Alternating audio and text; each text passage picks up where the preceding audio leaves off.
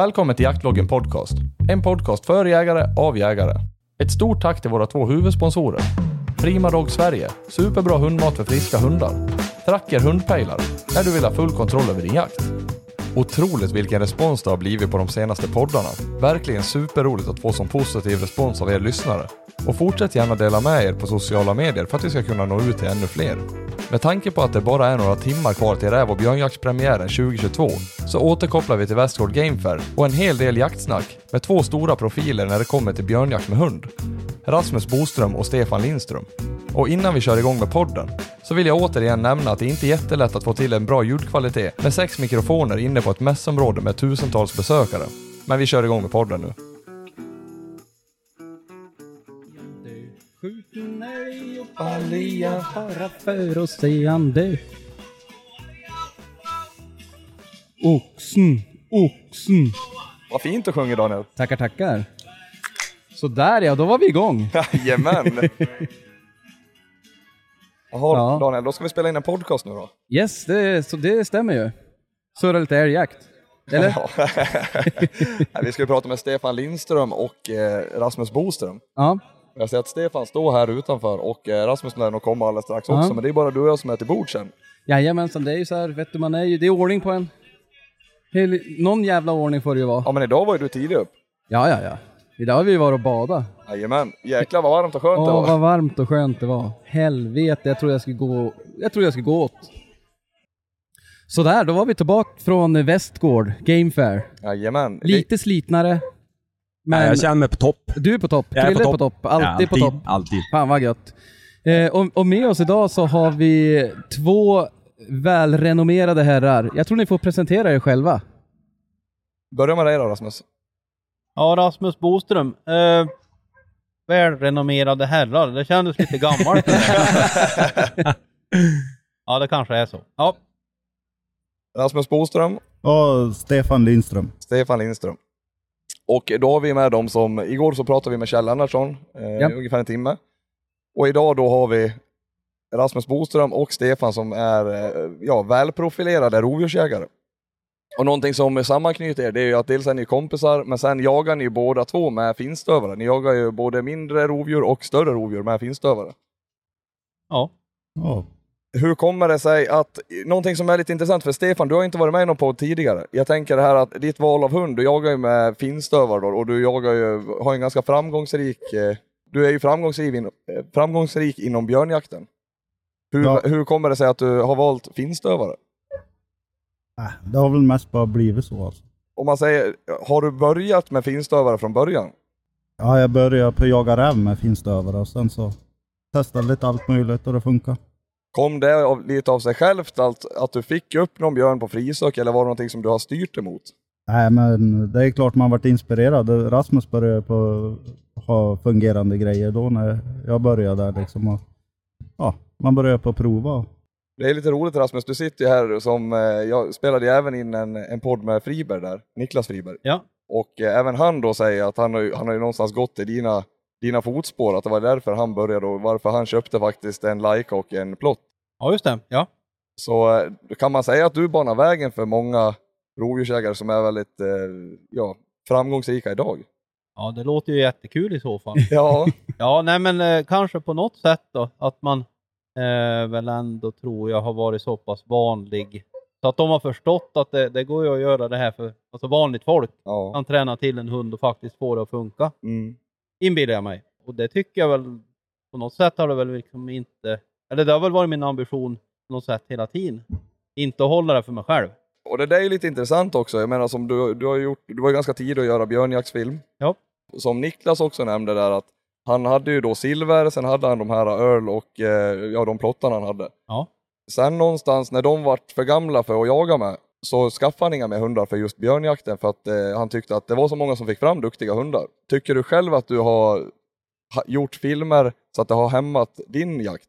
Alltså att du har fått mindre jakt för att du har presenterat eh, hur man faktiskt går tillväga för, för, för att få fram en björnhund? Det har jag garanterat gjort. Ja.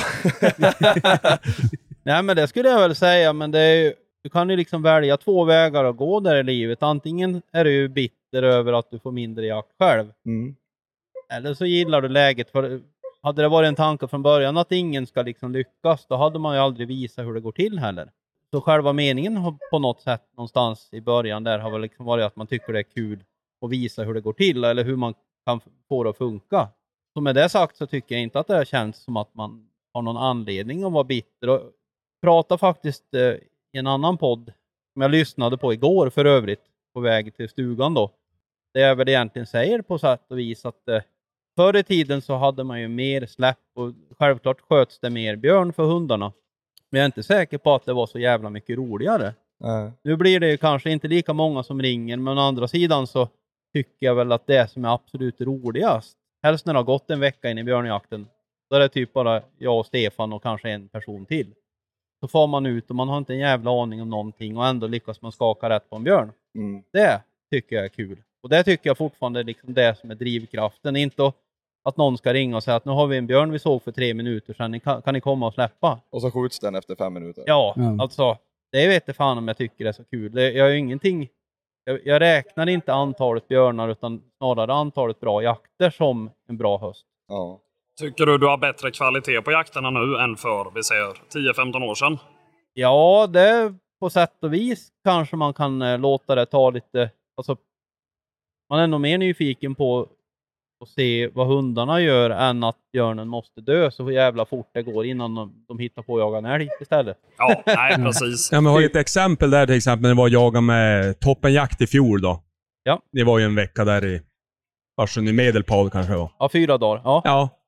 Och eh, då, då fick ni ju verkligen, alltså då, den, det man har hört då, att det blir ju flera dagar och gå och gå, alltså lägg ner den där tiden. ja. Och ändå, i min värld, då säger man ju ändå bara att det här ändå tycker ni är skitroligt. Det kanske inte händer supermycket, men det finns ett djävulskt driv där. Som, och det uppskattar jag. Alltså jag tycker att det är... Det är lite fascinerande. Ja, Ja. men fascinerande. Men jag känner ju så, så vill jag, så, så vill jag också kunna vara. Och alltså man vill känna det där, även fast det, nu jagar jag älg och så, men alltså är det dåligt med älg och så, alltså Ja, men Alltid- inte misströsta utan Nej, bara jag vill inte misströsta, utan det är bara att Det är bara köra. Det, är, finns ju som inget att välja på då. Antingen kan jag sälja hundarna, skita i det där och tycka att det är astråkigt, men alltså det är ju bara att gilla läget och så. Ja. Men snart är det ju med, med, med älgstammen så kommer det ju snart vara så att det är tvärtom för oss. Jaha, nu är det björn igen. Ja. Ja. ja. vi får väl hoppas att de korrigerar det där med avskjutningen då. Ja, men de har ju ökat ganska mycket ju. Ja. Det, det blir ju bra. Ja, men jag gillar det där och samma sak, man får slita lite. Alltså de jaktdagarna är ju, Ja, det är ju de man kommer ihåg. Ja, det är ju så det är det är ju bara. en onnes lite grann. Innan Ja, det, ja, ja. ja. Ja, nej, men det finns väl ingenting som är så tråkigt egentligen som att alltså, man kanske har åkt på en synobs nu då. Så blir det sju minuters jakt och så är björnen död. Jaha, Nej, det är bara att Mm. packa ihop och åka hem igen. Jävla kul. nej. ja. Det är Alltså- ju betydligt mycket bättre om man får jävlas en hel dag innan det blir något resultat. Ja. Ja, och är Eller samma, bättre, men det är roligare. Ja. Efteråt Samma i- i alla fall. i filmerna till exempel som man gjorde, ofta så är det det att ja, men du får ju sitta och klura en del. Alltså Ja. att det händer olika saker. Och det är ju inte alltid man har rätt. Men eller är det en påskjutning eller är det vars har björn tagit vägen? Lokalisera, alltså alla, allt det där jobbet runt omkring. Det, det tycker jag också är roligt att se i en film. ja. Att ja. han verkligen lägger in, lägger in det. Så att man får som med hela ditt tänk i det där. Det är det man lär sig någonting av också. Ja. Ja, jag hoppas ju fortfarande det. Att man liksom satt faktiskt och klippte en, en film i, ja det var ju onsdag den här veckan, satt och klippte ihop lite björnjakt från förra året. Eller det var egentligen bara en del av en jaktdag. Den finns det inte ens med en skottsekvens på. Nej. Nej. Jag tyckte ändå att den var så jäkla intressant att ta med, för jag har med lite trackloggar från tracker och sånt Ja, där. det är ju Just uppskattat. för att eh, Ja. jag förväntar mig inte att någon lär sig så mycket av att se när en björn dör, men däremot så om man ser den där filmen kanske man lär sig hur en björn fungerar. Mm. Tack vare att man kan se på tracken där, för det här är ju en björn som de har jagat på, som hundarna bytte till rådjur tror jag det var efter 500 meter eller 300 meter. Ja. Då är ju min uppgift snarare att leta rätt på björnen i ett läge där, där de har gett upp. Ja. Det Mm. tycker jag är kul att lösa den uppgiften och visa liksom en, det här, alltså jag är ju en löshundsmänniska. Jag tycker egentligen att det är rätt jävla träligt att gå och spåra, men jag ser ju vilken fruktansvärt jävla nytta det gör för att hitta björnar om Ja. du har en bra spårhund. Ja. Det är det som löser knuten. När de ringde oss då, då hade de ju först haft hundarna som hade bytt, fångat dem och sen har de travat runt och gått där med löshundar i området och sen ringer de. Ja. Och det hade jag ju själv gjort. Ja. Men alltså det är lite kul när man kommer dit och så börjar man på spåra och så hittar man rätt på björnen. Ja. Så efter en timme så bara, ja men nu är den uppe. Hit med andra hundar nu. Ja. Nej men alltså det är... Vad, vad uppskattar du av en bra spårhund? Alltså vad vill du ha ut av en spårhund du tycker är bra? Alltså effektivt för dig? Det är att han hå- håller spåret. Ja. Alltså, ju, ju mer spårnog han är desto bättre är det. Går han en halv meter ifrån spåret så ska han ju helst försöka hitta spåret igen. För det är då du kan reda ut de här eftersöken eller eventuella påskjutningarna. Har du en hund som vinglar 10 meter hit och dit så är det mer eller mindre hopplöst att hitta den där knappnålen med blod. Som säger om du ska fortsätta eller bryta helt enkelt.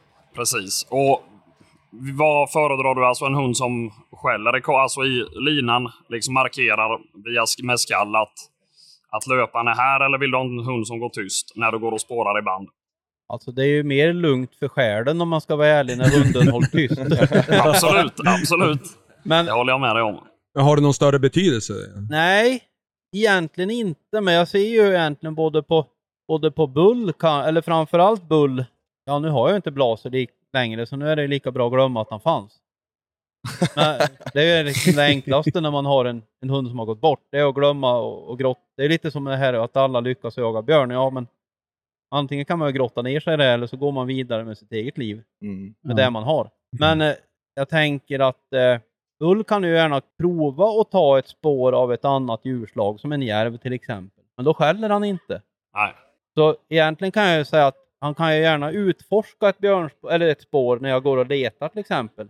Eller vi har tappat spåret. Björnen har sprungit tillbaka till sitt eget spår och hoppat av och det kan ju vara ett helvete att hitta rätt. Men och så kanske det är en massa andra spår där efter diverse djur. Men så länge inte han säger någonting så kan jag lita på att då är det ingen björn. Det är ganska skönt liksom. Det där har ju inte riktigt att göra med om de skäller eller inte, utan det där har ju att göra med att du känner din hund. Och Ja, där, kommer, ja. där kommer vi återigen tillbaka till hur viktigt det är faktiskt att, att känna den hunden man jagar med. Ja men definitivt. Genom alla år nu så har jag haft några ganska bra hundar. Tycker jag ju själv då. I varje fall. Jag har ju till och med hamnat i ett läge där man insåg att fast man lånar ut till exempel Oryx eller eh, Blaser eller Helga så går det att misslyckas och skjuta en björn, vilket jag nästan inte trodde var möjligt. Mm. Men man, man förstår ju det här liksom att man är ju så van att kunna hunden så man läser i situationen bara på att höra på skall att ja men nu, nu jävlar, nu är det nära eller nu är det liksom, nej, han spårar bara. Det är ingenting. Nej, för det vet jag, jag fick ju någon fråga nu under, under den här eh, lodjursjakten som vi hade eh, föregående säsong då. Att om, om någon kunde låna eh, Walter då till exempel, för att eh, nu har jag skjutit katt för han på frisök otroligt nog i tre år.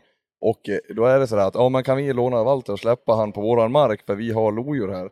Mm. Och det är ju inte riktigt så enkelt, utan då, då har det att göra med också markkännedom och att man vet hunden på ett annat sätt. Att man går till man faktiskt tror att man har ett kattspår. Ja, nej men det, det tycker jag låter vettigt för det, det är nästan bättre. Men det är klart att det låter lite sådär när man säger att nej men det är nog bäst att jag följer med själv. Och då Jo. låter det lite sådär som att, ja okej. Ja, och det är ju inte så man menar. Man kanske heller inte tror att eh, de, och de kan ju såklart inte ens egen hund.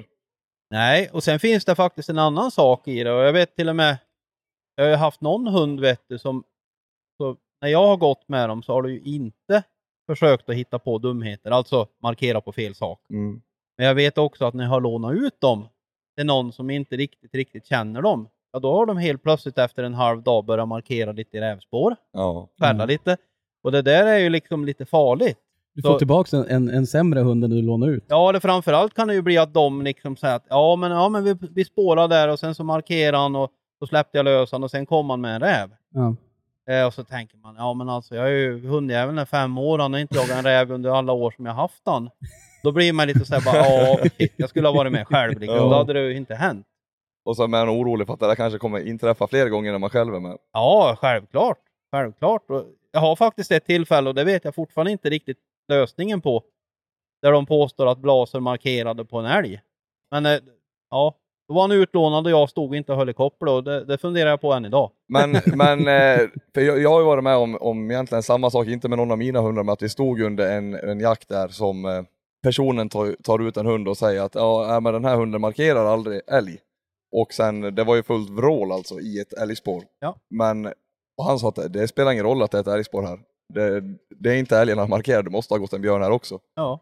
Och eh, när man kan vara så trygg och, och liksom vara så säker på sin hund, det är ganska fascinerande ändå. Ja, jo. Jo, nej, men det skulle jag nog själv säga om jag Ja. står och håller i kopplat att det är så. Jo, och det skulle nog jag kunna också, men jag tycker att det är så jäkla roligt att kunna Alltså att se folk som är så jäkla inbitna jägare och de lägger så otroligt mycket tid i sina hundar så att de kan ja, väldigt, väldigt djupt säga att eh, jag vet hur den här hunden funkar, punkt slut. Men någonstans i det här så handlar det ju om att lära sig att jaga med det man har. För att bli framgångsrik. Ja, För att eh, all, det är ju helt omöjligt att få, få likadana hundar liksom. ja, ja men precis. Så det är där man måste lära sig att jaga med det man har. Är det någon tillfällighet att, ofta ser man att ni, du Rasmus har kanske spårat dagen och du har haft blaser och så nu säg, pratar du om Bulle är också en plotthund va? Ja. Och jag tänkte kontra och gå, är det något bara tillfällighet eller är det att ni har, alltså att man inte spårar med stövaren? Är det bara för att det är plotten mycket bättre oftast eller är det bara att den, den är bäst just nu? Bara- Ja, jag skulle inte säga, men det där är ju ett aktivt val jag har gjort. Ja. Jag ska inte säga att, att Boss och finstövarna jag har skulle vara något sämre att spåra med egentligen, bara att jag har lagt ner kopiöst mycket mer tid med Bull. Ja. Det, det är ju lite samma, jag menar Boss har ju egentligen jagat allt med. Alla, alla rovdjur i varje fall och helst inte något klövdjur. Men, och, och då liksom, ska jag gå och spåra och leta rätt på en björn med honom så blir det jävligt vingligt. Alltså han kommer ju markera allt ifrån om det har gått en mink där. Ja. och, och ta det spåret till att det är en järv eller så är det en björn eller det tar ju sån jävla tid. Nej. Och därför så har jag valt att lägga allt krut på, på Bull egentligen Ja. och bara prägla han på björn. Så det är ett aktivt val. Däremot skulle jag inte säga att jag skulle nog förmodligen kunna komma ungefär lika långt med Boss också om jag Ja. bara hade lagt ner det jobbet från början. Nej. Men jag tror att det är svårt att lägga ner, jag har inte tid att lägga ner så mycket engagemang i två hundar samtidigt. Det tar en jävla tid rent ut sagt. Men, eh, men Stefan, du, har ju, du kör ju finstövare, du har ju inga plottar. Nej. Han var nära ska tilläggas. Han var jävligt nära här att få en. Ja, var det? Ja. Ifall han glömmer att säga det. Om, man, eh, om vi säger att de skulle ha sett en björn i ett område eller att det är ett eftersök, för du går ju också en hel del eftersök eh, Ja. med dina finstövare. Kan du läsa av om ni har ett björnslag eller ett rävslag till exempel? För du, du jagar ju även mycket räv med dina stövare. Den äldre har, han föredrar ju björn. Ja, Man får ju lägga mycket mer tid själv och, och se och är det här verkligen rätt? att man Men kan... eh, i, i regel när jag satt han i ett spår, och, då håller han där spår, han byter inte. Utan Nej. Det, så det gäller ju att, få starten rätt. Ja men precis. Och, och lika där att om du går och bandar så kanske man går, eh, säg att man går några hundra meter så ser man att okej vi har kommit över en myr här, vi har inte ett björnspår. Då är man ju kanske inte rätt då till exempel. Nej, Som Lynx till exempel, som du har. Han Ja. är ju en, eh, en hund som du uppskattar väldigt mycket. ja. Vad, vad skulle du säga är hans eh, starkaste egenskap inom björnjakten? Nej, det är att han törs jaga dem. Ja. Eller törs jaga alla björnar. Det är nog inte många som tänker på det där. Nu kanske man har liksom fått reflektera över det i poddar, men att eh, hundar som faktiskt, är, alltså hundar som det skjuts björn för. Alla hundar törs inte jaga alla björnar. Nej, Eh, kan inte ni två berätta lite grann, eh, liksom vad, vad, vad, vad skiljer det sig? Vilka björnar är otäckare och vad utmärker sig för de björnarna som faktiskt knäcker hundar? ja börjar du Rasmus? Jag börja? ja men vi säger ty, typexempel på björnar som, som skrämmer hundar. Det finns inget typexempel på, alltså det finns egentligen ingen Hona med riktig... två ungar, eller? Ja, Ja. Ja. det finns liksom ingen riktig gemensam nämnare på björnens storlek egentligen, utan jag har ju varit med om 70 kilos björnar som är riktigt jävla elaka och jagar, alltså sen när man har skjutit dem så är det en typ en 73 kilos hane då. Ja. Nej, det är klart att hona med ungar, det, det är väl ett ganska säkert sätt att, att få en, en ung hund björnren, Ja. om man nu vill det. Ja. Ja. Då har man gjort det rätt på, i den ledden. Och så helst i mörker. Ja, ja exakt. Ja. Hona med fjordingar i mörker. Ja. Hona med fjollingar, det är värre än hona med årsungar. ja, men då kan det ju vara två eller tre björnar som är elaka istället för bara en. Ja. Det, det har ju hänt nämligen att, att de inte bara honan jagar de här hunden då, eller hundarna, utan även fjordingarna far och jagar dem. Okej. Och det kan de bli ri- riktigt jävla skrämda av har man märkt. Så det, det är helt klart i- inget bra alls alltså. Jag har sagt det normalt att alltså stötningsuppdrag och sånt där är ytterst, ytterst... Ja, ska de inte skjutas så, så ställer jag helst inte, eller så ställer jag inte gärna upp på det. Eh, Du säger stötningsuppdrag. Berätta lite mer om det för de som inte vet vad det är. Ja, alltså, ja men det är om en björnfamilj eller en björn befinner sig på fel plats. Alltså bland bebyggelse i regel och, och bland folk och kanske boskap och sånt här. Och, och i vissa lägen har det faktiskt också varit bland renar också. Men nu, nu är det, det här är så pass länge med renar så förr var det ju mer att man stötte dem i första hand in. Sen dag tre sköt man kanske. Mm. Dagens Mm. läge får man ju skyddsjakt direkt. Ja, befinner de sig på fel plats så, så brukar man ju normalt försöka få dem därifrån. Och, och det är väl det som är ett stötningsuppdrag då, där, där man försöker och oftast är det ju så att man försöker kanske en eller flera gånger och funkar inte det att de är hela tiden tillbaks, ja men då skjuts de. Det är helt enkelt eh, björnar som stör eh, bebyggelse så att säga. Ja, det kan ju bli jävligt otäckt också att om det är bland gårdar och grejer och rätt vad det är så är det där björnhonan kanske uppfattar det på ett felaktigt sätt om man uttrycker det så. Ja, men precis. Att det är någon Mm. människa som råkar vara för lite för nära då, då kan det ju bli jädrigt otäckt. Och det är ju det när de utgör en fara för allmänheten som de också skjuts. Men någonting jag funderar över, hundval och jaga björn med, med spetshundar, spetsraser. Vad, vad, varför är det ingen som gör det på er nivå eller vad man ska säga? Alltså inte, nu är det, det är många som har hundar som, som jagar björn, men det är ingen som satsar på björnjakten nästan som kör jämtar eller någonting. Det är det väl faktiskt, men det är ju några som gör det, men de är ju jävligt mycket mindre kända. Okej. Eller liksom Ja. visar upp sig mycket mindre, men det är ju någon som har någon hund som de satsar ganska hårt på. Sen blir det nog gärna det och det hamnar man... Jag själv har ju haft en jämte som jag, jag egentligen bara jagar björn med. Ja. Annars så skulle jag säga att det blir lite svårt att kombinera, för ganska ofta är det ju så att det är no... Alltså de som skaffar en spets har ju oftast en ambition av att jaga björn och älg. Ja. Det tar den tid det tar, alltså även med de hundarna. Ja. Jag vet liksom inte riktigt varför det har blivit så, men det har väl tilltalat en viss typ av människor också, det här, alltså, att få till sin stövare och jaga björn. Helt Ja. Men hur kommer det sig att ingen av er jagar med spetshundar? För att, eh, Ja, vi har ju gjort det men ja, ja, ja, men det har vi gjort. Men jag skulle säga att jämten jag hade, Donna, var väl jättebra. Men jag tycker fortfarande att det var ju ändå ett kliv liksom till en bra plott. Alltså att spåra.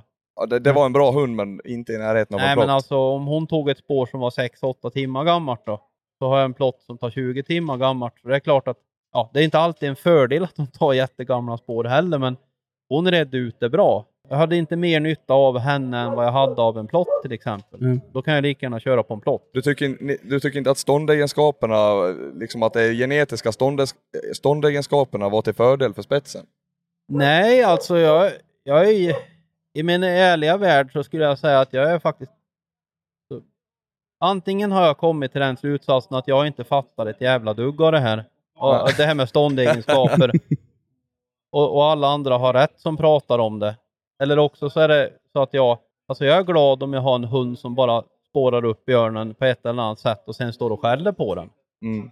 Och i min värld så tycker jag att det har varit mer björnen som bestämmer om det blir ståndskall eller inte, än om att hunden gör det. Okej. Jag har liksom aldrig upptäckt att det har någon större skillnad. Nej. Alltså om hunden kommer dit och ställer sig på 15 meter och skäller på björnen så är jag nöjd. Ja. För det kommer att funka då. Ja, jajamän. Eh, och det har inte varit någonting som har varit bättre. Och vi har ju även haft spetshundar som har haft bra förföljande på mindre björnar. Men det har inte resulterat i att vi skjuter mer björnar för dem än för stövarna. Alltså det har inte blivit bättre ståndskall. Alltså, Släpper vi en bra stövare så blir det ståndskall även på de mindre björnarna. Jajamän. I samma utsträckning ungefär. Nej, och sen det är så, björnarna väljer att stanna där de är trygg. I alla fall jag upplever det så, om en hund står där lugnt och stilla på ett säkert avstånd och skäller på den så är björnarna lugnare än någon som far runt som en jävla vårgeting och retar dem. Liksom. Ja. Det beror, ju, det beror ju otroligt mycket på björnen vad... Alltså i min värld så beror det jättemycket på björnen hur hunden får stopp på den om man uttrycker det så. Har du en hund då som ligger nära och, och går på hårt så kan ju det funka för vissa björnar. Men så andra björnar blir livrädda och springer, all, alltså springer för livet. De Jajamän. vägrar att stå. Ja, det är så olika alltså. Men, eh, men Stefan, som du sa där, att de står lite på avstånd och skäller för att eh, björnen blir tryggare så att säga. Ja, eller trygga men är lugnare. Alltså jag upplever det så. Och när vi pratar då om spetsar, upplever du att spetsarna är hetare på stånden än vad stövarna är? Ja men det är väl det som är deras arbetssätt, det är ju att springa framför och joja och få stopp på en, på en älg liksom. Och är de lite för nära då så... Men sen, jag har ju inte jagat så jättemycket björn med spetsar, jag kan inte säga att det är så men jag upplever liksom att eh, om hundarna håller lite avstånd och inte är på och retar björnen så blir det lugnare björnar och lugnare ståndskall då. Jajamän. lättare att skjuta dem. Är du enig i det Rasmus? Ja, ja, ja. Ja, jag bara sitter och tittar rakt fram. Ja. Det är jo. så jävla tråkigt när det blev alltså. nej, nej, nej, nej, nej, nej, för fan. Nej, men jag är enig i det. Det är jag absolut. Det, jag vet, vi, vi har ju spelat in några poddar Rasmus Ja. och eh, då har ju du eh, vid, vid tillfällen pratat om, eh, jag vet vid ett tillfälle så säger du att, jag tycker det är ganska roligt, eh, jag har några kompisar som, eh, som inte är så envisa, även om jag, jag jagar inte jättemycket med folk som inte är envisa. Tycker du att Stefan, är han en av de personerna som faktiskt är envis? Ja, ja, helt klart. Annars hade det nog inte fungerat. Nej. Bra. Eller. Nej, men så är det ju. Det blir väl att man umgås med folk som tänker lite som en själv och klart att man ger ju upp ibland, men det är oftast när allt, allt hopp är ute så att säga. ja, man har gjort sitt.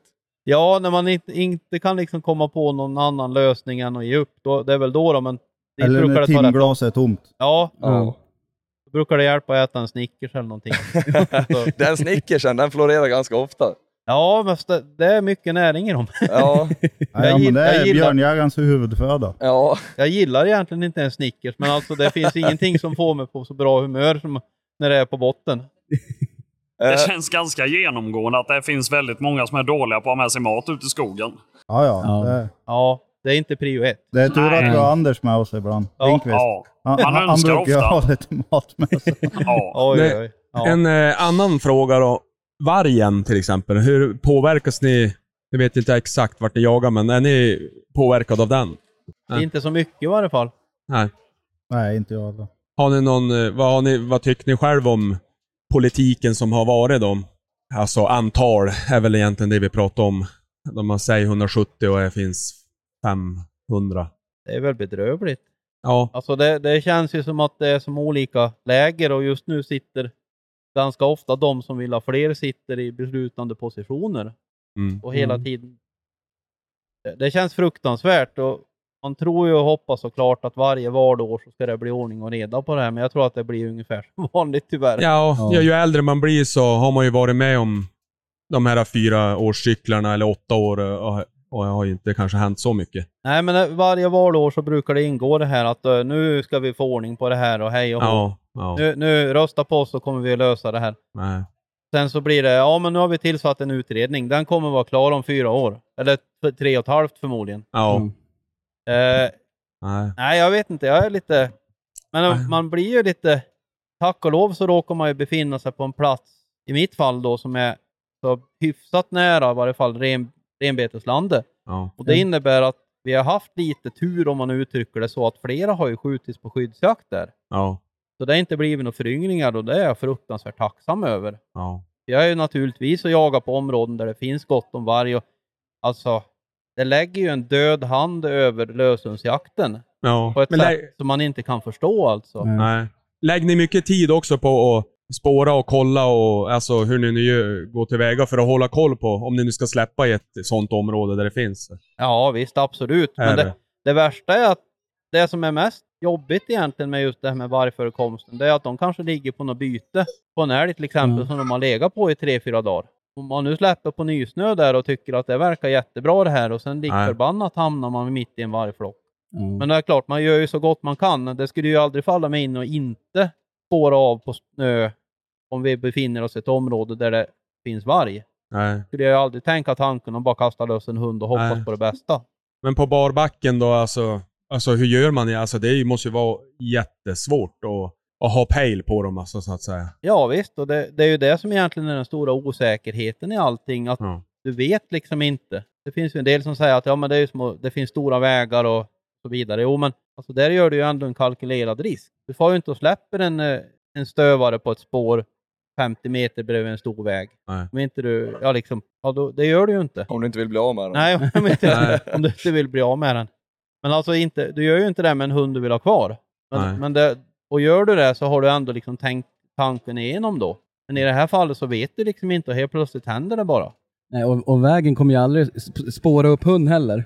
Alltså, Nej, nej, nej, det- nej. Så Nej, det är ju, där har du ju någonting, som- för den där liknelsen har man ju hört några gånger, att ja men vägar och järnvägar och Ja. sådär. Men då kan man ju, oftast har man ju någon, någon pejl, kanske någon trackerband eller någonting på den, så att man ser också. Skulle den bara irra ut mot någon större väg, så då har man ju faktiskt möjligheten att åka dit och plocka hunden också. Absolut. Ja, vargen är lite mer oberäknelig på det viset. Ja, ja. De får sätta sändare på alla de som man kan se vart de är också. Ja. Och det kan jag bara relatera till själv också. Jag menar, vi har ju otroliga, egentligen, ja, otroliga problem just nu med, med föryngringar, om man säger väst till öst, eh, söder om vå- våra marker, hela vägen liksom. Och de vargarna måste ju ta vägen någonstans och då söderut så finns det redan eh, revir.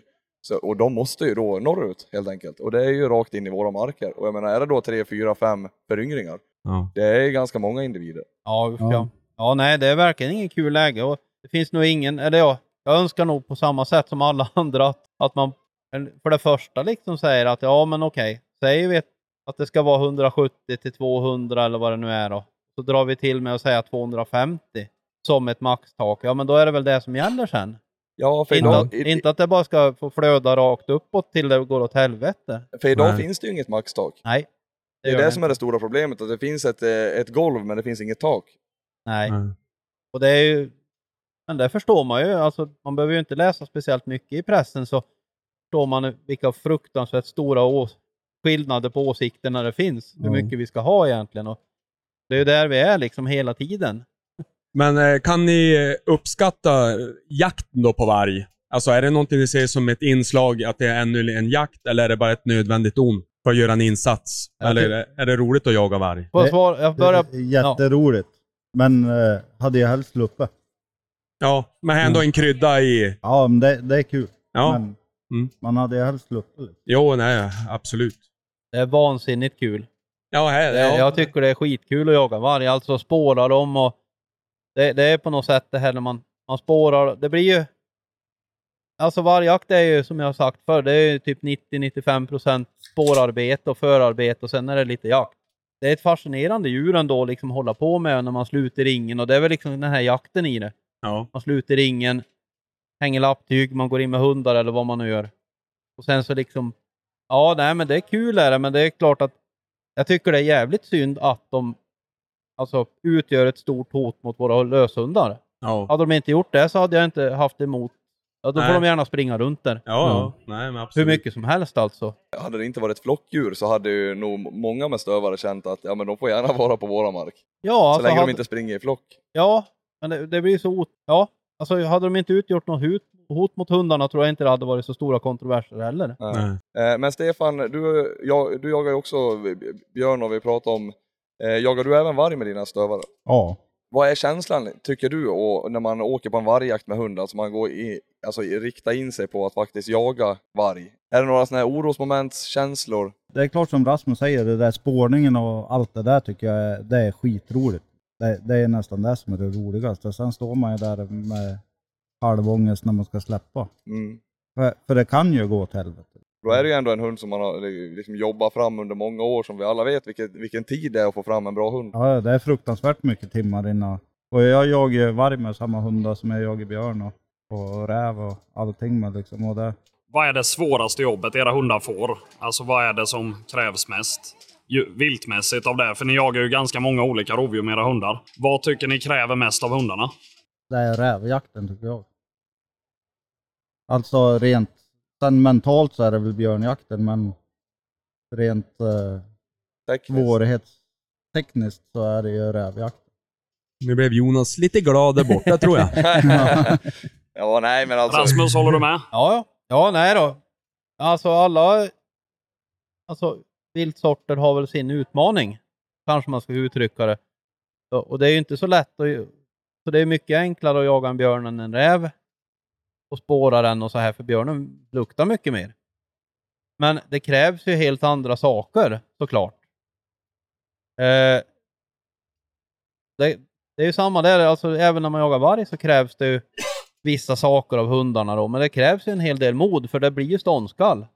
Eh, en, en, en fråga som jag måste ställa Nej, det där. blir ståndskall. Vad sa Ja, du? jag, ja, jag var bara, det blir ståndskall alltså. ja, ja, ja, det gör det. Det, Det får du räkna tror jag. med. Ja, okej. Och det är då många hundar som inte håller måttet kommer tillbaka. Så Ja, ja. det kan jag ju säga att på senare år, så när jag har varit med på vargjakten så tror jag gäller för Stefan också. Vi brukar mest försöka få andra att släppa hundar som vill. Eller så egentligen handlar det mest om att de som vill prova dem och vill ta fram egna hundar får jättegärna göra det. Ja. Vi, vi måste inte släppa våra hundar Nej. utan Vi Det gör mer att- gärna förarbete. vi kan göra förarbete och vi, de får gärna, vi kan hjälpa dem att spåra upp alltså. Och sen säger vi så här, jag tror jag har sagt så flera gånger nu, eller flera år, att jag håller min hund i bilen. Har vi en hund nu som försvinner iväg ensam med en varg, för det är egentligen det som är den stora faran. Ja. Då kan jag ha, ha den här hunden i backup då för att Mm. hjälpa den här hunden som blir själv. Ja, men om det blir ett ståndskall med den hunden, är det, det funkar att släppa dit en till då? Det blir inte ännu mera hetsstämning så att säga? Nej. Eller Så att det blir... Framförallt där det, inte kan, där det nästan aldrig händer då, det är att vargen kommer på att han kan lösa den här uppgiften själv. Nej, då springer han vidare helt Ja, enkelt. eller stå kvar. Alltså Ja. det, det viktiga är att vargen hela tiden är i ett mentalt underläge. Det är det Ja. du bygger på. Okej. För annars så tar vilken varg som helst, vilken av våra vanliga raser som helst. Nej, precis. Så det, det fixar de. ja. De får helt enkelt inte komma på att vänta nu, jag kan, jag kan bara bita ihjäl den. här." Nej, men det är väl ungefär, Exakt. samma, det är väl ungefär Exakt. samma sak som att det kom dit en till varg. Vi säger en hund står själv en varg och så det komma dit en till varg så att säga. Ja, då det är har de ju bra. där då. Då har de ju övertaget så att säga. Ja.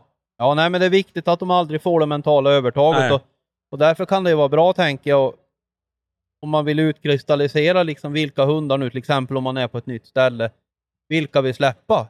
Mm. Ja, men gör, låt dem göra det då. Och så kan vi ju liksom stå backup då med någon hund som vi vet funkar, som hjälper den här hunden som är själv. Mm. Ja.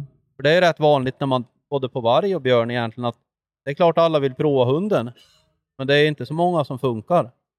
Där får jag en fråga till då, den björnjakten där då. Om vi säger att du har en lite orutinerad hund som är sådär.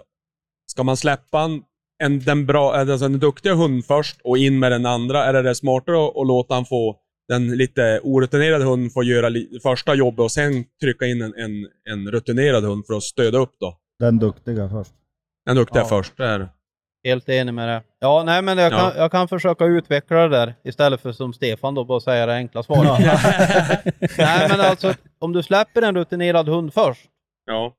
då hinner du upptäcka om den här björnen är en elak björn. Ja, nej precis ja. Nej. Alltså märker du att du har en, liksom, den, här hund, den här bra hunden står och skäller där och så märker du att det blir korta, alltså den blir tyst, kost, äh, tyst korta perioder och blir, ser ut att bli jagad på pejlen. ja. Alltså löper undan. Då kan man ju nästan redan direkt säga där att nej men den här ska vi inte släppa någon unghund på. Nej.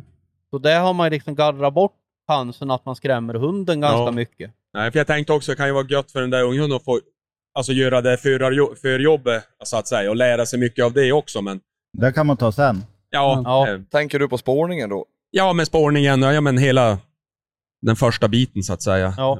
Men det är klart att det, det kan ju vara smart att göra det i ett senare skede. Det, det är viktigare att ge han en positiv upplevelse liksom, Ja. från Nej, början. förstår. Det, det gäller ju att bygga, man kan ju säga så här att det gäller ju på något sätt att bygga förväntningen för hunden att ta spåret. Ja. Förväntningen utav hunden då, det ska ju vara positivt, att han vill dit. Mm. Och sen In- kan, Inte att han tycker det är lite jobbigt. man kan väl också Nej. flika in nu att vad jag tror i alla fall, det är väl att då pratar vi om, om hundar som jagas in, alltså unghundar som är kanske första gångstillfällen. Ja, precis. Jo. Ja. Nej men absolut. Helt klart. Att man faktiskt skapar en prägling i det. Ja, ja visst, Mm. det gör man ju. Och det- Det gäller ju att presentera ett djur som ganska många eller jättemånga hundar tycker är skitjobbigt att jaga björn. Mm. Och det gäller ju på, sätt, på ett lugnt och fint sätt att skola in den här unghunden så att han tycker det är kul hela vägen. Till han är så modig så att han kan fixa det själv. Man pratar ju ofta om det här med björnarna i alla fall, att eh, den här mentalt jobbiga biten eh, i början. Upplever ni samma sak med hundarna, era stövar då? Eh, att det är samma mentala tröskel de behöver kliva över på varg? Till viss del. Ja, alltså de är ju mycket jobbigare än, om vi pratar vargarna nu, så är de mycket jobbigare när de stannar än andra djur, men inte som, i alla fall jag upplever att björnen är jobbigare. Ja. Vargen är också då ett vilt som, som faktiskt inte är en självklarhet att hundarna jagar. Absolut inte. För det har man ju hört lite så här att ja, ja, men alla hundar jagar varg. Det är ju någonting som man har, man har hört lite här och var, men eh, ni upplever att det finns... Det gör alla hundar med björn också, åtminstone en gång. ja, ja, faktiskt.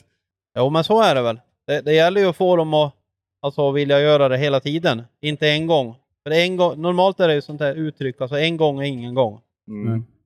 Det finns jättemånga hundar där ute som gör ett bra första arbete men som aldrig gör ett andra arbete. Så, så därför är det ju viktigt på något sätt att man gör en, gärna en kort introduktion och lyckas ta unghunden oavsett nu om det är varg eller om det är björn. En kort, en kort jakt som inte gör att det blir jobbigt utan kul. Det optimala är väl om de inte ens behöver komma ikapp djuren första släppen. Liksom. Att det bara är drev då. Ja, Jag, jag brukar till exempel, när jag släpper mina unghundar på björn nu för tiden, ja är det ju när jag har haft någon jakt med någon äldre. När det har passerat två vägar till exempel, så släpper jag unghunden i spåret på första vägen och så åker jag ta honom vid andra vägen innan man har en, ens en chans att komma ikapp själva jakten. Ja, just det. För då, då, då, är du, då är du helt säker på att det kommer inte bli någon frontning. Nej, precis. Och sen står han där och är riktigt taggad och vill fortsätta. Man får berömma och stoppa i, så är han fortfarande sugen nästa gång istället för att få en mental flatsmäll som heter duga. Liksom. Ja, nej precis. Kan man dra mycket nytta av att jaga eh, alltså, olika djur med hundarna? Till exempel som när ni jagar räv. Kan en, egenskaperna för en bra rävhund, kan ni dra nytta av det? Till exempel om ni jagar varg eller björn, tycker ni? Liksom att mängden släpp, som jag menar, jag kan tänka mig att det blir ganska mycket rävsläpp. Tänker du att I man, betydelse. tänker du att man, eh, man bygger självförtroende? Ja, och liksom, men, men eller som spårarbetet liksom. Om man vinner mycket på, alltså på att jaga mycket. Olika djur till exempel. Alltså man kan dra nytta av olika jaktformer. Eller på olika djurslag. Ja, det var korta svaret. Eh, Stefan, Jo, ska men- du utveckla då Rasmus kort alltså? Ja, ja, men jag kan göra det. Jo, men det, det handlar ju om att liksom, ju fler timmar de får jaga, desto bättre de är. Sen spelar det inte så stor roll vad de jagar. Liksom. Och, och du skjuter en jäkla massa rävar för dem så får de ju bra självförtroende eller- och så vidare. Rasmus? Ja, jag tror han sa det egentligen. Han tog mina ord. Ja. ja. Jajamän. Eh, och sen eh, inför den här podden nu så då, då pratade jag med Daniel här på Älgjägare emellan och vi, vi sa att vi skulle ha den här inspelningen. Och då sa jag, "Men jag förstår ju liksom inte, varför jagar de inte älg? Det, det är ju det man äter. Ja, Ja, varg är väl inte så gott? nej, nej då, det stämmer bra där. Jag kan ju bara svara för mig själv då, men alltså i mitt fall har det ju varit utmaningen. Ja.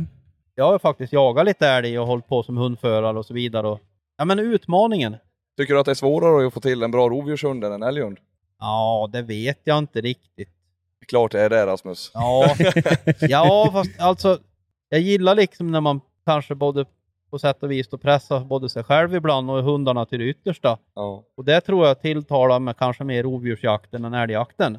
Där är det så jäkla mycket regler. Det är, den är för stor eller den är för liten och det är fel antal kalvar och Ja. du Ja. vet, det är massa krångel hela tiden och så ska man behöva interagera med massa människor. Det insåg jag ganska fort att det, det är nog lika bra. att- Jag var med några år där och jagade både älg och björn samtidigt. Slut sa nu skiter jag i det här. Nu jag, jag jagar björn. Ja. Och så jagar jag lite fågel istället på kvällarna och eftermiddagarna och så här. Och det passar mig bättre helt enkelt. Det är för mycket folk i älgjakten. Ja, Det kan det ju också vara i varg och björnsammanhang.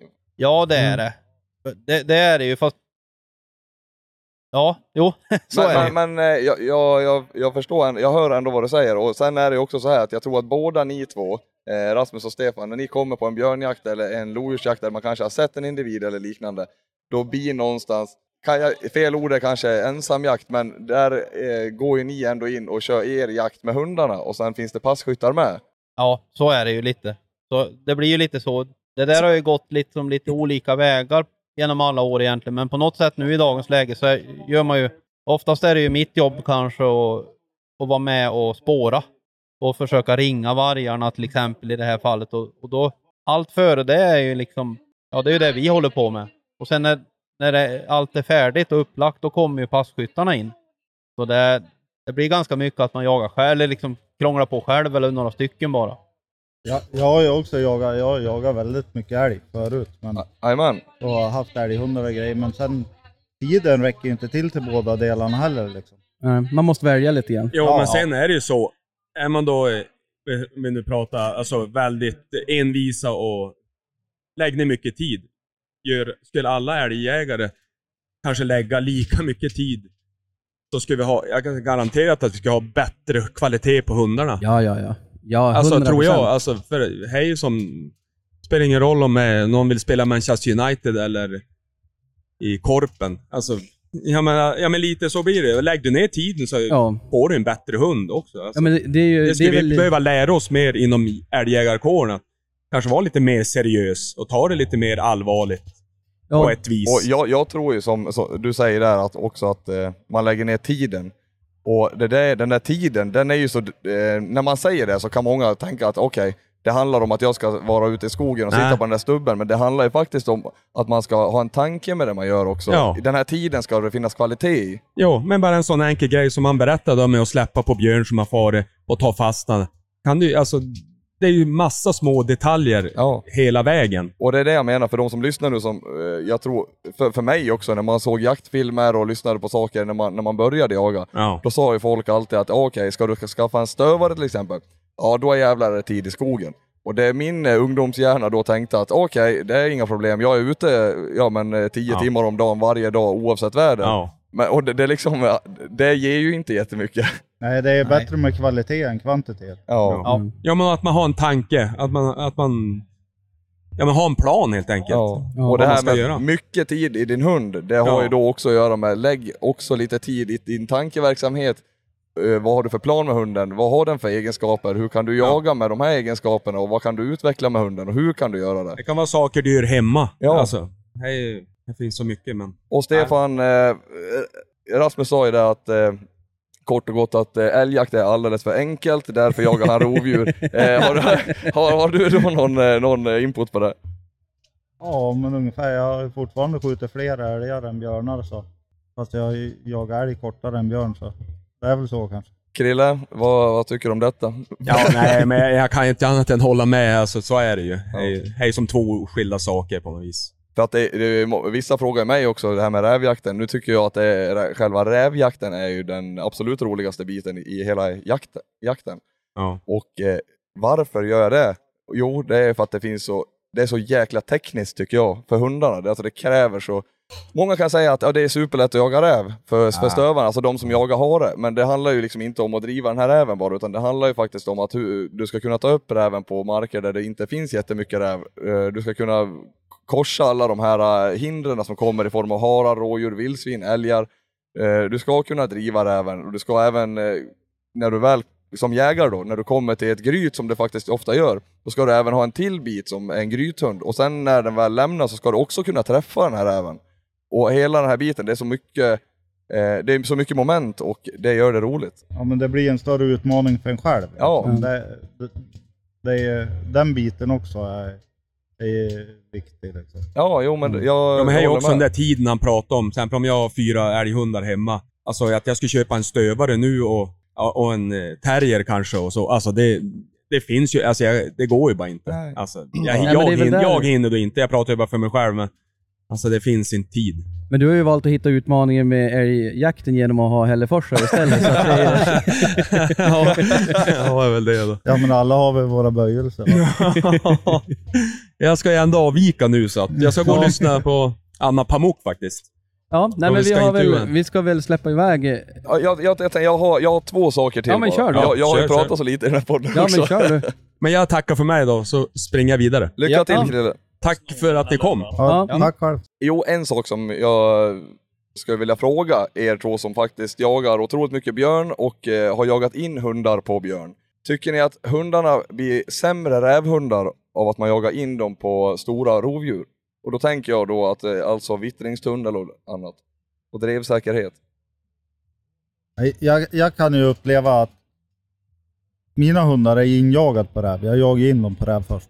Men sen de här nu, snart är 21 augusti, då kommer det vara en intensiv månad med mycket björnjakt. Mm. Och då kan jag uppleva första veckorna efter sen när jag bara jagar björn med dem, så är de jävligt slarviga. De sätter inte ner nosen i backen utan de, de kör med huvudet högt och tror att de, Tror att de kan vinddriva räven. ja, på samma vis som en björn liksom. För att det, ja, men helt ärligt, det är skitsvårt att tappa bort 100 kilo dynghög. Ja, det är så. Det blir som att hundarna vill nästan ha en liten inkörningsperiod på rävarna igen. Ja, jag par- upplever det så. Ett par veckor där ungefär som det är Ja. ganska riktigt dålig eh, rävjakt faktiskt. Efter Ja. björnjakten. Ja, totalt. Man... Ja. Så, så om, om någon då ringer till er eh, eh, sista augusti och säger ja men vi har en rävjakt här, skulle inte ni kunna komma med era Jag hundar? Ja, jag, jag har ju någon som jag inte jagar björn med så jag kan släppa då. Ja. men eh, Stefan, vad har du för hundar? Det kan man väl också fråga. Det skulle vara någonting vi skulle ta i början här. Men... Ja, faktiskt. Det borde vi ha gjort. Ja, jag, vi har ju bara sagt att du har ju finstövare, men har du några mer hundar än eh, fi- finstövare och hur många hundar har du? Ja, jag, just idag har jag fyra hundar. Jajamän. Tre finstövare och en uh, fox terrier. Ja. Ja. Och imorgon har jag 500. Ja, och Ja, för du skulle väl 6. hämta en på hemvägen, eller hur var det? Ja, jag ska hem och vända, sen ska jag åka och hämta en imorgon. En, en finstövare till. Ja, Ja. okej. Ja, du hinner hem och vända i alla fall. Det var ju skönt. Ja, kanske. Vi får se hur det blir ikväll. Ja, det är väl alltid spännande. Ja. Eh, Jag har ju en, eh, en sak här med jaktfilmen. Eh, Vi, vi, jag är ju inne på jaktfilm lite grann i början, eh, framförallt Rasmus där. Jag vet inte riktigt, eh, jag, jag hade en jättebra fråga som jag har glömt av, men eh, jag har skrivit ett stödord här som jag inte ens kan relatera till frågan egentligen. Men det är så här att Rasmus, du var ju en person som, när jag började filma jakt, då, då filmade jag åt eh, Bearplay som, eh, så- du och jag hade den kontakten Ja, vad ska man säga, Jag- jag själv har ju, jag kollar, under den tiden så kollade jag på jättemycket eh, jaktfilm, eh, alla kategorier, var med på alla streamsidor som fanns. Och jag fastnade väldigt mycket för, för dina jaktfilmer. Nu hade ju det att göra med dels att du jagar rovdjur som jag själv gör, men också att det finns den här, vad ska man säga, det finns väldigt mycket råmaterial i slutprodukten. Det är väldigt mycket, man visar det man, man visar faktiskt vardagen på ett sätt, det heter ju Rasmus vardag då, Ja. eh, och det, man visar ju då väldigt mycket av vad man själv upplever, eller vad man ska säga, inom, inom jakten. Det blir det här att man har en GoPro på huvudet, det är en ganska enkel filmning och, eh, och man jagar helt enkelt. ja visst. Det, det är väl det jag tycker själv kanske. Det blir ju kanske oftast inte en vacker produktion. Nej, Men det, i min värld åtminstone tycker jag det är mer ärligt om Ja, man säger Det blir en ärlig produktion. Det blir ju en ärlig film som man inte kan liksom klippa. Du kan inte göra så mycket med det annat än det som finns. nej men precis, man kan klippa ner lite grann och sen... Ja, eh, Ta bort de värsta svordomarna. Ja, ja men precis. Man kan väl vad heter, säga, i alla fall jag upplever så att Rasmus han filmar när han jagar istället för att jaga för att filma. Exakt, exakt. Amen. Ja, men och det där är ju, jag funderar på det där, jakt egentligen, jakt på, alltså jakt i rörlig form ska ju vara slow TV. Alltså för, för alla som har jagat vet ju att det är ju inte tre minuter pang, pang, pang, utan det är ju allt annat som, som tar tid. Och det är så här, jag, jag funderar på det, här, typ SVT har ju den här älgvandringen. Tänk att ha det så här björ, björnjaktsveckan. Och så är det bara, det, man följer bara med. Alltså Bara man, ingen björn skjuten. nej, det är Nej. så här, det, det, jag skulle sitta och Det hade kolla på varit det. intressant att typ kört så här björn, björnveckan med mig och Einar som inte kommer skjuta någon björn och inte se någon och inte Men har det någon har jakt. blivit en jävla bra Snickers-reklam. Har många svordomar med, tror jag. Björnjakten presenteras i samarbete med Snickers. Ja, ungefär så. Men eh, du har ju haft en American Foxhound också Stefan. Ja. Eh, och Rasmus, du har inte haft någon American Foxhound. Nej, ja, det stämmer. Nej. Eh, vad, vad tycker du är... Tycker ni att... För vi pratade med Kjell Lennartsson igår. Och då, då kom man in på avel och då var det lite det här också att det, det finns ju faktiskt olika raser. Och man, eh, för jag la upp det här att kanske man skulle haft två olika rävprov. I min mening så skulle det finnas, skulle det finnas en logik i det. Och det har att göra med att jag vill inte jaga räv som kanske Kjell vill. Han vill gärna stå då på, på ett... eh, Han vill kanske... Han vill... Säg att han vill ha ett drev på 5, 6, 7 timmar. Och eh, om man får välja så kanske inte räven gryta. Nu ska inte jag svara för han, men Nej. jag tänker att det finns i alla fall den, den eh, typen av rä- rävjägare. Ja. Och för mig så blir det mer en harjakt. Jag vill, ja absolut, det kan vara superkul att stå och passa på ett drev en timme. Eller ibland en och en halv också. Men sen får det jättegärna gryta lite halvkvickt så att vi kan jaga. Ja, eller gå i paus. Ja, ja men Ja. precis, Mm. antingen eller. Och där skulle jag vilja att eh, man eh, tar fram då ett rävprov som faktiskt eh, är till fördel för den typen av rävjakt som, som ökar nu. Alltså yngre jägare vill inte stå på pass på ett drev där det går i 3 km i timmen. Nej, Och det vill inte ni heller. nej, nej absolut inte. Det Nej, finns nej alltså jag är barnsligt förtjust i att skjuta räv på drev, men, men eh, det måste ju ändå vara lite tryck i grejerna. Liksom. Exakt. Det, nej, men det, det tror jag är rätt i, liksom, att ha en som, som premierar slagarbete och ett snabbt drev istället för, istället för ett drevprov som det är idag. Ja, för jag menar med ett snabbt drev men ett bra slagarbete, du kanske hinner ta upp en räv till. Ja, Och det är, ju, det är ju, ja, det är ju minst lika bra Ja. i mina ögon man- sett. Jo, men al- alltså som det är idag, alltså under fina förhållanden så kanske man hinner skjuta fyra rävar på en dag. Ja, då går det bra. Ja. Och, och liksom den, den stövaren har ju inte eh, fått så speciellt bra på ett drevprov kanske. Nej, det är ju, det är ju väldigt eh, beroende på vilka egenskaper man vill ha. Som, alltså där hundarna bedöms ju ut efter provreglerna. Sen kanske man inte alltid uppskattar dem själv, men Nej. så är det ju nuläget i alla fall. Ja. Men, men vill, ni, vill ni göra två prov eller vill ni ändra provet? Nej, jag skulle, jag skulle vilja, alltså nu kan jag bara ta det för mig själv, men jag skulle absolut vilja se att man hade två olika typer av rävprov. Ja. Och det är ni också inne på, eller skulle ni bara vilja justera så att det premieras på ett annat sätt? Eller det? vill ni ha kvar det som det är? Det, det har aldrig, jag har inte riktigt reflekterat över det liksom, men Anledningen till att jag reflekterar över det är att många säger till mig att du, ja men starta din hund på prov, starta den där hunden, men du måste starta nu hela tiden. Jag ser inte en anledning till att starta en hund som är fyra år som aldrig har drivit i 90 minuter. Nej, och, och det är samma för mig. Jag har en som är tio år som ytterst sällan har drivit i 90 minuter, men vi har ju skjutit en hel del djur för han, liksom. Precis. och, och, och Jag har ju aldrig startat den fast många har tjatat. Och jag har insett att jag kanske behöver fyra rävar. Den- Rätt dag så driver han väl det till första pris. Liksom, Ja, absolut. men en normal dag kanske behöver fyra rävar för att få ihop det där. Ja men precis. Eller nu idag när han är tio år, han har dragit ner lite på tempo så kanske... men det känns ju rätt värdelöst att starta en hund som är utlevad. Liksom. Men det låter ju som en väldigt effektiv jakthund. Ja, det har han ju varit. Och det är väl någonstans där vi vill åt. Vi vill ha en effektiv jakt. Ja, i alla fall jag. Ja, Eller vi som sitter här skulle jag tro. ja, helt enig. Ja, och vi ska, vi ska runda av det här med, med en eh, sista fråga till vardera person, om inte ni har något mer. Nej, nej men kör. Eh, Jag har en fråga också. Ta den först. Vad är det viktigaste rätt genom en jakthund? Jag vet jag ställde samma fråga till Kjell. Vad är genomgående den viktigaste egenskapen en jakthund ska ha? Jaktlust, jaktlust och Ja. jaktlust. Jaktlust. Samma svar. Jag har samma Bra. svar. Eh, och då kommer då en eh, slutfråga. Och då är det, vi börjar med dig Stefan. Vilken är din... Eh, om du fick behålla en av dina hundar, eller om du fick klona en av dina hundar och, och ha... Alltså helt enkelt, vilken tycker du är din bästa hund? Och vad är det som utmärker han till att vara det? Ja, jag, jag tror det skulle vara Kim, den första riktigt bra rovdjurshunden jag hade. För med de få tillfällen han hade och hur bra han gjorde det, vet du, som med det, den tillgång till jakt jag har idag så hade han ju varit troligtvis in i helvete bra. Ja. Ja. Och en egenskap hos han som gjorde att han, att han eh, värderas högt hos dig? Nej, det var ju att han, ja men han jagade ju både björn och varg utan någon form av prägling eller träning, utan det var bara, Ett eh, självspelande piano ja, egentligen. typ. Eh, Rasmus, din eh, bästa hund? Ja du, det var ju inte så lätt. Ja, jag skulle nog tycka att den är bland den, den som har varit mest... Eh, ja, utav de jag, som lever nu så är det väl Boss. Men om jag tittar tillbaks hela vägen där så skulle jag ändå säga att den där första plotten jag hade som heter Bull. Han hade väl... Jag ska inte säga att han är den absolut bästa björnhund jag har haft.